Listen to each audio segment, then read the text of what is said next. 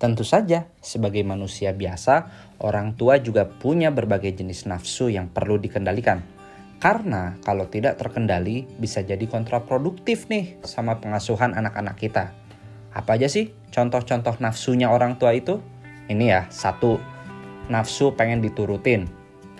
Yang mana kalau nafsu ini kebablasan, seolah nggak ngebolehin anak punya pilihan sendiri. Jadinya seolah-olah beda pilihan, langsung aja ngecap kalau anak durhaka. Apalagi ngerinya nih, kalau nafsu ini sampai pakai bawa-bawa nama Allah sebagai tameng.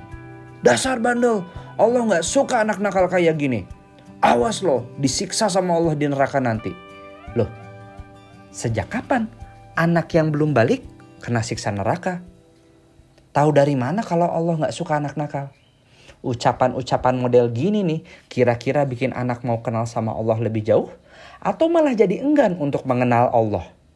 Hati-hati loh, nafsu kita sebagai orang tua mungkin banget bikin anak berpotensi menjauh dari Allah.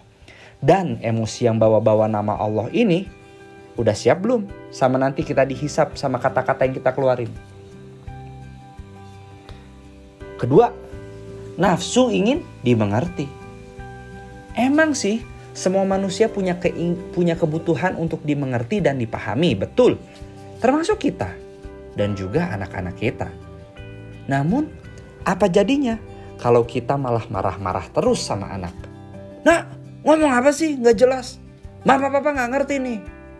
Seolah-olah tuh kita mau bilang, Nak, tolong dong ngertiin papa, ngertiin mama. Nak, papa, mama tuh mau capek-capek buat kamu tahu, ngertiin dong. Et, et, et, bentar. Siapa yang dewasa? Siapa yang masih anak-anak? Yang sejatinya perlu dimengerti itu siapa sih?